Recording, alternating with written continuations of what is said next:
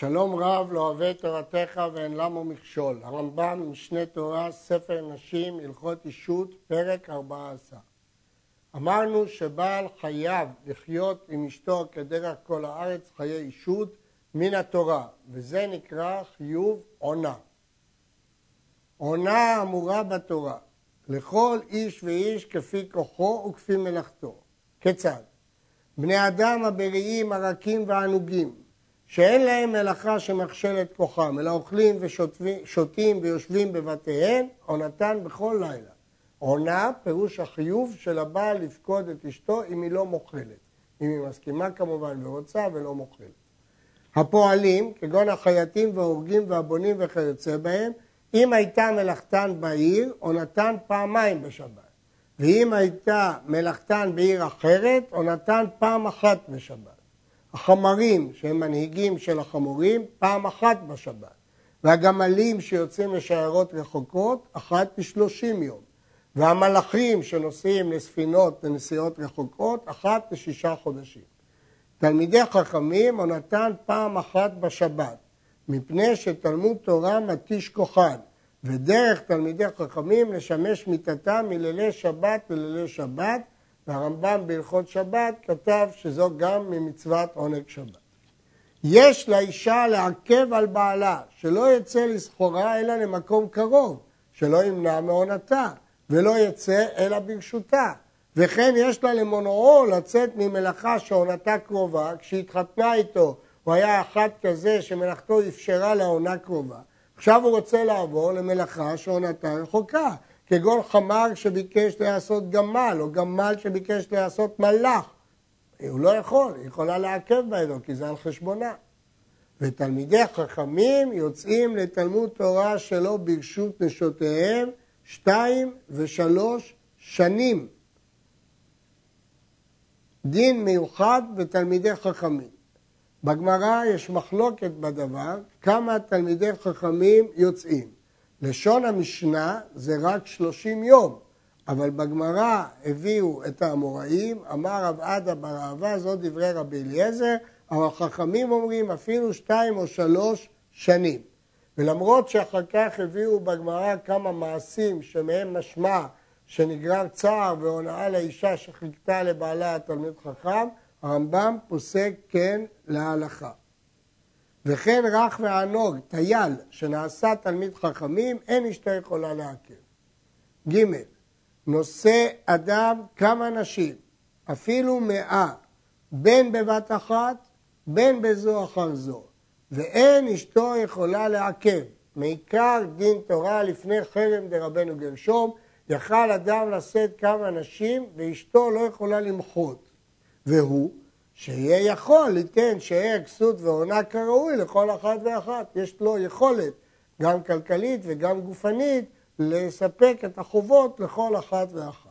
ואינו יכול לחוף אותה לשכון בחצר אחת, מפני הקנאה, אלא כל אחת ואחת לעצמה, כך המדרשים אומרים, שאצל יעקב אבינו היה לכל אחד אוהל, כפי שמפורש בתורה, כשלבן חיפש באוהל רחל, ובאוהל לאה, ובאוהל שתי האמהות, כי כל אחת גרה בנפרד. וכמה ההיא עונתן כשהוא נשא כמה שנים, כמה נשים, לפי מניין, כיצד? פועל שהיו לו שתי נשים, יש לזו עונה אחת בשבת ולזו עונה אחת בשבת. כיוון שהפועלים חייבים שתיים בשבת, הוא מחלק את העונה הזאת בין שתי הנשים שלו. היו לו ארבע נשים, נמצאת עונת כל אחת מהן פעם בשתי שבתות. וכן אם היה מלאך ויש לו ארבע נשים, תהיה עונת כל אחת מהן פעם אחת בשתי שנים. לפיכך ציוו חכמים שלא יישא אדם יתר על ארבע נשים, אף על פי שיש לו ממון הרבה, כדי שתגיע להם עונה פעם אחת בחודש. שימו לב שהרמב"ם מבין שהעונה שהוא חייב בה מתחלקת בין הנשים שלו. נימוקי יוסף חולק, הוא אומר לא, את עונה שהוא חייב, כגון פועל, שזה פעמיים בשבת, חייב לכל אחת ואחת. לא לחלק את זה בין כולם. המדיר את אשתו, שתאמר לאחרים מה שאמר לו, לה, או מה שאמרה לו מדברי שחוק וקלות ראש, שמדבר אדם עם אשתו על עסקי תשמיש, דברים צנועים, והוא מדיר אותה שיצפר את זה, הרי זה יוציא וייתן כתובה, שאין זה יכולה להעז פניה ולומר לאחרים דברי קלון. אי אפשר להדיר אישה לומר דברים כאלה. וכן אם היא דירה שתהיה מתהפכת בשעת תשמיש כדי שלא תתעבר, או שהיא דירה שתעשה מעשה שוטים ודברים שאין בהם ממש, תהיה ממלאה ומראה להשפעה, אלא קשטות, הרי זה יוציא וייתן כתובה. בין אם הוא דואג שהיא לא תתעבר, ובין אם הוא מדיר אותה לעשות שטויות, יוציא וייתן כתובה. המדיר את אשתו מתשמיש המיטה, שבת אחת ממתינים לו. יתר על כן, יוציא וייתן כתובה או יפר נדרו. עכשיו נשים לב לחידוש. ואפילו היה מלאך שעונתו לשישה חודשים, אז למה אחרי שבוע אחד כבר כופין אותו להוציא ולתת כתובה? מסביר הרמב"ם, שכיוון שנדר, הרי ציערה ונתייאשה. כל עוד היא יודעת שהיא מחכה לו, היא ממתינה לו. אבל כשהיא יודעת שהוא נדר, אז אחרי שבוע היא כבר מתייאשת. וכיצד מדירה? באיזה צורה הוא יכול להדיר את התשמיש? אם אמר לה תשמישי אסור עלייך, או שנשבע שלא ישמש מיתתו, לא נדר כלום, ואם נשבע נשאר על השווא, מפני שהוא משועבד לה מהתורה, הוא לא יכול לנדור. אבל אם אמר לה, הנעת תשמישך אסורה עליי, הרי זה נדר, ואסור לשמש. שאין מאכילים את האדם, דבר האסור לו. הוא לא נדר את מה שהוא משועבד לה, הוא נדר את הנעת תשמישה עליו, ואז אחרי שבוע יוציא וייתן כתובה. אסור לאדם למנוע אשתו מעונתה, ואם מנע כדי לצערה, עבר בלא תעשה שבתורה, שנאמר שאירע כסותה ועונתה לא יגרע. ואם חלה או תשש כוחו ואינו יכול לבעול, ימתין שישה חודשים עד שיבריא, שאין לך עונה גדולה מזו. ואחר כך, או ייטול ממנה רשות שהיא מוכלת, או יוציא וייתן כתובה. האישה שמנעה בעלה מתשמיש המיטה, היא הנקראת מורדת. ושואלים אותה, מפני מה מרדה? למה את מורדת? למה את לא רוצה לחיות איתו חיי אישות? אם אמרה מאשתי הוא ואיני יכולה להיבהל לו מדעתי, לא יכולה, לא יכולה לחיות איתו. כופין אותו להוציא לשעתו, מיד כופין אותו לגרש, לפי שאינה כשבויה שתיבהל השנוי לה. אישה היא לא שבויה, ואם היא לא יכולה לחיות איתו חיי אישות, אי אפשר לכפות אותה. ותצא בלא כתובה כלל. בגלל שהיא יצאת מיוזמתה, תצא בלא כתובה, ותיטול בלעותיה הקיימים, בין מנכסים שהכניסה לבעלה ונתחייב באחריותם, נכסי צאן ברזל, בין מנכסים שלא נתחייב באחריותם, נכסי מילוג, ואינה נוטלת משל בעל כלום, אפילו מנעל שברגליה, מטפחת שבראשה, של כחן לה, שהבעל קנה לה, פושטת ונותנת, וכל מה שנתן לה מתנה מחזרת אותו, שלא נתן לה על מנת שתיטול ותצא ותגיד שהוא מאוס עליה. אבל נשים לב לחידוש הגדול של הרמב"ם, שאישה שמסרבת לחיות חיי אישות עם בעלה בטענת מאיס עליי, כופין אותו לגרשה. רוב הפוסקים, רבנו תם, הרשב"א, הראש, חולקים בחריפות על הרמב"ם, וטוענים שהיא מעניקה אפשרות לכל אישה שתיתן עיניה באחר, לחוף את בעלה לגרשה, היא תיתן מאיס עליי. איך אפשר לבדוק את זה? הרי אי אפשר לבדוק. אמנם יש מי שאמר שגם הרמב"ם מודה שהאישה צריכה להוכיח, אבל איך אפשר להוכיח דבר כזה אם הוא טוען את מאוס עליה? הראש כותב בחריפות שאין לסמוך על הרמב"ם כלל בזה, מכיוון שזה גט מעושה, כיוון שהוא ייכתב בכפייה, ואי אפשר בכלל לכפות בעל לתת גט. בכל מקום שכתוב יוציא וייתן כתובה זה רק בדרכים הכשרות. הרשב"ץ כותב שאפילו במקום שנהגו בכל הפסקים כרמב"ם, אין להם להקל כמותו בדין הזה. ולמעשה השולחן ערוך פוסק כרוב הראשונים, שהבעל חייב לגרש כשאישה טוענת שהוא מאוס עליה, אבל אי אפשר לחוף אותו לגרשה. הראשונים האחרים מבינים שממתינים 12 חודש ויש לה דין דומה למורדת, אבל הרמב"ם מבין שהיא מפסידה את כתובתה לגמרי. וגם פה יש דעות אה, שונות, שהר"ן הבין שהרמב"ם אומר שכל תנאי האישות יתבטלו. בכל אופן, החידוש הגדול של הרמב"ם עומד, ועד היום דיונים רבים סביבו, שאישה שאומרת מאוס עליי, יכולה, חייבים לחוף אותו לגרשה, כי אדם, אישה היא לא שבויה לחיות עם מי ששנוא עליה. הלכה ט' אם מרדה מתחת בעלה, לא כי הוא מאוס עליה, אלא כדי לצערו, ואמרה, הרי אני מצערת אותו בכך, מפני שעשה לי כך וכך, או מפני שקיללני, או מפני שעשה עמי מריבה, וכיוצא בדברים אלה, שולחים לה מבית דין, ואומרים לה, והיא יודעת, שאם את עומדת במרדך, אפילו כתובתך מעם אני הפסדת אותה. קודם כל מתרים בה מבית דין.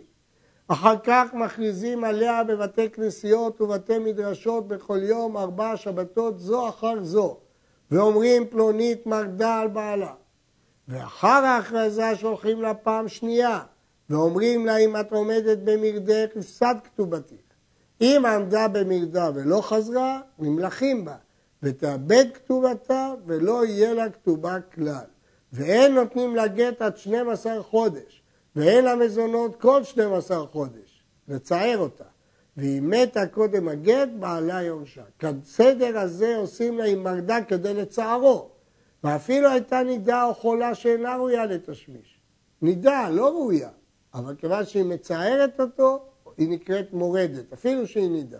אפילו היה בעלה מלאך שעונתו לשישה חודשים, אפילו יש לו אישה אחרת. כי אישה משועבדת לבעלה לתשמיש כשם שהוא משועבד לה ועונתה לא יגרע. ולכן אם היא מורדת לא כי הוא מאוס עליה, אלא כדי לצער אותו, להרגיז אותו, עושים לה את הסדר הזה של שנה עם ההכרזות הללו, ואז היא מפסידה את כתובתה. היה דיון בבית דין הגדול הרבני בירושלים, האם גם היום צריך לעשות את כל סדר ההכרזות, או מספיקה הודעה של בית דין שהחליטו שהיא מורדת. והאם יש גם כן להכריז בבתי כנסיות, הרי הדבר הזה לא נהוג היום סדר ההכרזות הללו. הדבר הזה נידון בפסקי בתי הדין בארץ ישראל. וכן ארוסה שהגיע זמנה להינשא, עברה שנה מאז האירוסין, ומרדה כדי לצערו, היא בסכסוך איתו ולא נישאת, הרי זו מורדת מתשמיש. וכן יבמה, שלא רצת להתייבם כדי לצערו, כסדר הזה עושים להם, הן נקראות מורדת. למרות שהיא לא נשואה, אבל היא מקודשת, והיא צריכה להינשא לו. המורדת הזאת, שהיא יוצאת אחר 12 חודש בלא כתובה, אחרי שאמרנו את כל התהליך הזה עד 12 חודש, ובסוף 12 חודש היא יוצאת בלא כתובה, תחזיר כל דבר שהוא של הבעל. אבל נכסים שהכניסה לו ובלעותיהם קיימים, אם תפסה אין מוציאים מידה. ואם תפסן הבעל אין מוציאים מידו. וכן כל מה שעבד מנכסיה שקיבל הבעל אחריותם עליו, אינו משלם לה כלום, בגלל שהיא מורדת. הראש פוסק שאומנם ב-12 חודש אין לה מזונות, אבל מכיוון שהוא אוכל פירותיה, עדיין הוא חייב בפדיונה. ויש דיון גם לגבי שאר אה, תנאי כתובה. זהו דין התלמוד במורדת. ואמרו הגאונים שיש להם בבבל מנהגות אחרות במורדת. הריף הביא מנהגים אחרים במורדת, דינא דמטיבתא. ולא פשטו אותם מנהגות ברוב ישראל, ורבים וגדולים חולקים עליהם ברוב המקומות. ובדין התלמוד ראוי לתפוס ולדון. מהם ההבדלים? הריף מביא את דין הגאונים שלא להמתין 12 חודש ובטוענת מאיס. הבדל נוסף במה שהאישה נוטלת מנכסיה שלפי תקנתא דמטיבתא מנכסי מילוג שישנם בהן נוטלת האישה. וכן עוד הבדלים, אבל הרמב"ם אה, כותב כדברי התלמוד. אגב, הגאונים מוסיפים שהיו מקומות שנהגו לתת לאישה מורדת את עיקר כתובתה, בלי התוספת, כדי שלא יהיו בנות ישראל הפקר. אבל הרמב"ם, כפי שראינו, חולק על זה. המורד על אשתו, עכשיו ההפך, הבעל מרד, ואמר, הרי ניזן, מפרנס, אבל אני בעליה, פני ששנאתיה. מוסיפים לה על כתובתה משקל שש ושלושים שעורה של כסף בכל שבת ושבת. וישב ולא ישמש כל זמן שתרצה היא לשב. אם נוח לה לא לחיות איתו חיי אישות והכתובה שלה כל הזמן תעלה כל שבוע, תשב. ואף על פי שכתובתה הולכת ונוספת, הרי הוא עובר בלא תעשה, שנאמר לא יגרע. שאם שנא, ישלח. הוא לא יכול לחיות איתה, שיגרש אותה. אבל לענות אסור. ולמה לא ילקה עליו זה? מפני שאין בו מעשה. כל לאו שאין בו מעשה, לא לוקים עליו. כלומר, כמובן שאם האישה מעדיפה לקבל גט, כופין אותו מיד לגרשה. אבל אם היא מעדיפה להישאר וכשכתובתה תעלה, אז ודאי שכתובתה עולה. פה לא מדובר במורד ממזונות, אלא דווקא במורד מתשמיש. איש ואישה שבאו לבית דין, הוא אומר, זו מורדת מתשמיש. והיא אומרת, לא כי, כדרך כל הארץ אני עמו. וכן אם טענה היא ואמרה שהוא מורד מתשמיש, והוא אומר, לא כי, אלא כדרך כל הארץ אני עמה. מחרימים בתחילה על מישהו מורד ולא יודע בבית דין, מטילים חרב. אחר כך אם לא הודו, אומרים להם התייחדו בפני עדים. נתייחדו ועדיין הם טוענים, מבקשים מן הנטען ועושים פשרה כפי כוח הדיין. אבל לבעול בפני בני אדם אי אפשר, כפי שאסור לבעול בפני כל בריאה. המקסימום שאנחנו יכולים לעשות שהם יתייחדו והעדים בחוץ, אבל אין אפשרות לבדוק על ידי עדים אם הוא בועל או לא בועל, כי הדבר הזה הוא אסור. הרמב"ם למד שכתוב אה, יעשו פשרה ביניהם, אבל הראב"ד מקשה על הפשרה הזאת ומפרש פירוש אחר. האישה שחלתה חייב לרפות אותה עד שתבריא. ראה שהחול יארוך ויפסיד ממון הרבה לרפואה, ואמר לה, הרי כתובתך מונחת, או רפי עצמך מכתובתך, או הרי אני מגרשך ונותן כתובתך והולך, שומעים לו. ואין ראוי לעשות כן מפני דרך ארץ. הבעל חייב לרפות את אשתו, גם ברפואה שיש לה קצבה. לאו דווקא ברפואה שאין לה קצבה שהיא כמזונות, גם ברפואה שיש לה קצבה. הבעל חייב לרפות את אשתו, אבל אם הוא רואה שהרפואה תיקח זמן ארוך, הוא רשאי לתת לה את הכתובה לגרשה, אבל זה רק מעיקר הדין. אבל זה לא דרך ארץ ומוסר לעשות כן לבת ישראל שנישאת לו כדין. נשבית, חייב לפדותה. ואם היה כהן שכבר נאסרה עליו שבויה אסורה לכהן, כי גם הנוסה אסורה לכהן, פודה אותה ומחזירה לבית אביה, למרות שהיא לא תהיה אשתו, הוא יהיה אסור עליה, חייב לפדות אותה, זה מתנהג כתובה, ולהחזיר אותה לבית אביה. אפילו היה בעיר אחרת, מטפל בה עד שמחזירה למדינתה.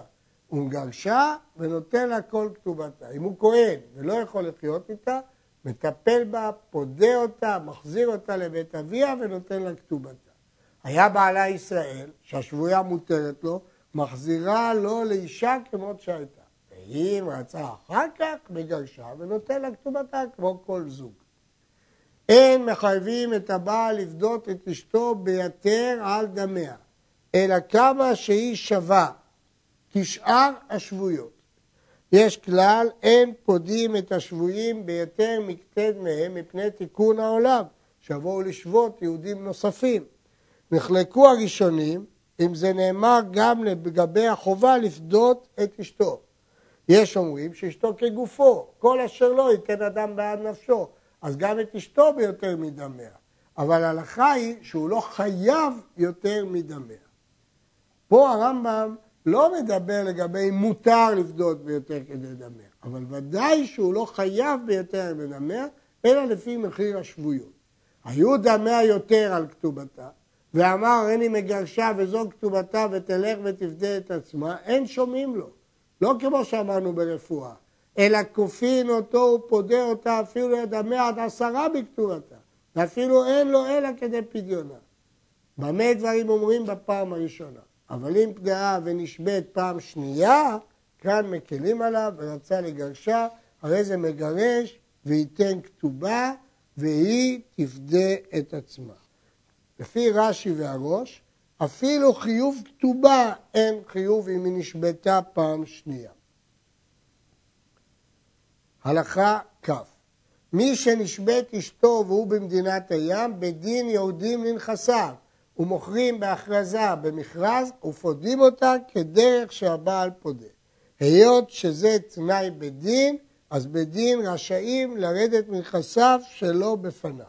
ולמה מוכרים בהכרזה? במכרז? כי כל מכירות בדין הן במכרז חוץ ממזונות וקבורה ומיסים. הלכה כ"א המדיר את אשתו נדר שהוא חייב בגללו לגרשה וליתן כתובה ונשבית אחר שהיא דירה אינו חייב לפדותה שמשעה שהיא דירה מתחייב לגרשה וליתן כתובתה. ברגע שהוא נדר, נדר כזה שהדין הוא שהוא מגרש ונותן כתובתה, אז גמרנו, הוא לא אחראי למה שיהיה אחר כך. האישה שהייתה אסורה על בעלה באיסורי לאווים, כגון כהן וגרושה, כהן גדול ואלמנה, ונשבית, אינו חייב לפדותה, אלא נותן לה כתובתה והיא תפדה את עצמה. למה? כי תהיה אסורה עליו. שואל הרמב"ם, והלא השבויה אסורה לכהן, והרי הוא פודה אותה. למה בכהן, למרות שאשתו השבויה תהיה אסורה עליו, חייבנו אותו לפדותה ולהחזירה לבית אביה, ולמה בחייבי לאווים לא נחייב אותו? כדי שלא הייתה אסורה מקודם, באיסור השבייה הוא גרם לה. האישה האומללה הזאת שהתחתנה לכהן, הכל היה בסדר. רק בגלל שהיא נשבתה היא נאסרה על הכהן. אז לכן הוא חייב לפדות אותה, מתנהג כתובה. אבל אם מראש כשהוא נשא אותה היא אסורה עליו, ודאי שאין לו חיוב לפדות אותה. מתה אשתו, חייב בקבורתה, זה חלק מחיובי אישה לבעלה מדרבנן. ולעשות לה הספד וקינים כדרך כל המדינה, מה שנוהגים. ואפילו עני שבישראל לא יפחות לו משני חללים ומקוננת, שזה המינימום שהיה מקובל. ואם היה עשיר, הכל לפי כבודו. ואם היה כבודה יתר מכבודו, קוברים אותה לפי כבודה, שהאישה עולה עם בעלה ואינה יורדת אפילו לאחר מיתה. אם רמת החיים של הבעל גבוהה משל האישה, האישה עולה עמו, צריך לתת לה את רמת החיים שלו. אבל אם רמת החיים שלה יותר גבוהה, צריך לתת לה את רמת החיים שלה, וגם אחרי מיתה. לא רצה לקבור את אשתו, בעל סירב לקבור את אשתו, ועמד אחד מדעת עצמו וקברה. שילם את הכסף וקבר. מוציאים בעל כורחו מבעלה ונותנים לזה, כדי שלא תהיה זו מושלכת בכלבים. זו מחלוקת בירושלמי, והרמב"ם פסק בגלל הסברה כדעה הזאת, אחרת מה יהיה? אף אדם לא יסכים לקבור אותה ומה תהיה עם האומללה הזאת. היה במדינה אחרת שמתה אשתו, בדין יהודי מנכסיו ומוכרים בלא הכרזה וקוברים אותה, לפי ממון הבעל, לפי כבודו, לפי כבודה. מוכרים נכסים וקוברים אותה אפילו בלי מכרז. למה? בגלל שזה דחוף העניין של הקבורה, לא מחכים פה למכרז. זה אחד מהדברים שאין בדין צריכים לעשות מכרז. עד כאן.